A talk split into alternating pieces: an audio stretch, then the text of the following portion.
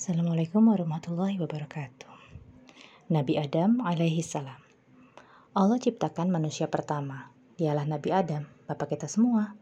Allah beri keistimewaan ilmu padanya. Mampu sebutkan nama seluruh benda. Allah perintah seluruh malaikat sujud padanya. Semua patuh, kecuali iblis yang tinggi hatinya. Ia tentang perintah Allah dan menjadi durhaka. Merasa lebih baik dari Adam dan lebih mulia.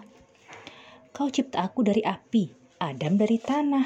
Iblis berkata, api lebih baik dari tanah, pikir iblis dengan akalnya.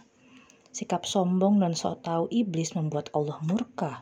Allah usir iblis keluar dari surga dalam keadaan hina.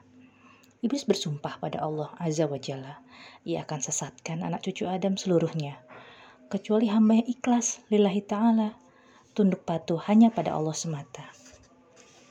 Allah ciptakan istri Nabi Adam bernama Hawa dari tulang rusuk yang bengkok bentuknya. Allah persilakan keduanya tinggal di surga untuk merasakan segala kenikmatan di sana. Pesan Allah pada keduanya satu saja.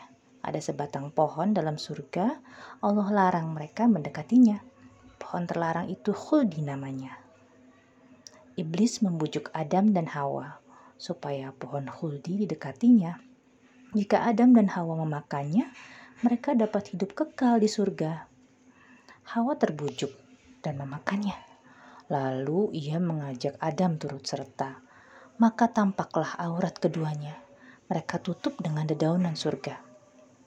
Allah murka pada Adam dan Hawa. Allah keluarkan keduanya dari surga dan menurunkan mereka ke dunia untuk bertaubat menebus dosanya. Nabi Adam berdoa, "Ya Tuhan kami, kami telah menzolimi diri kami sendiri.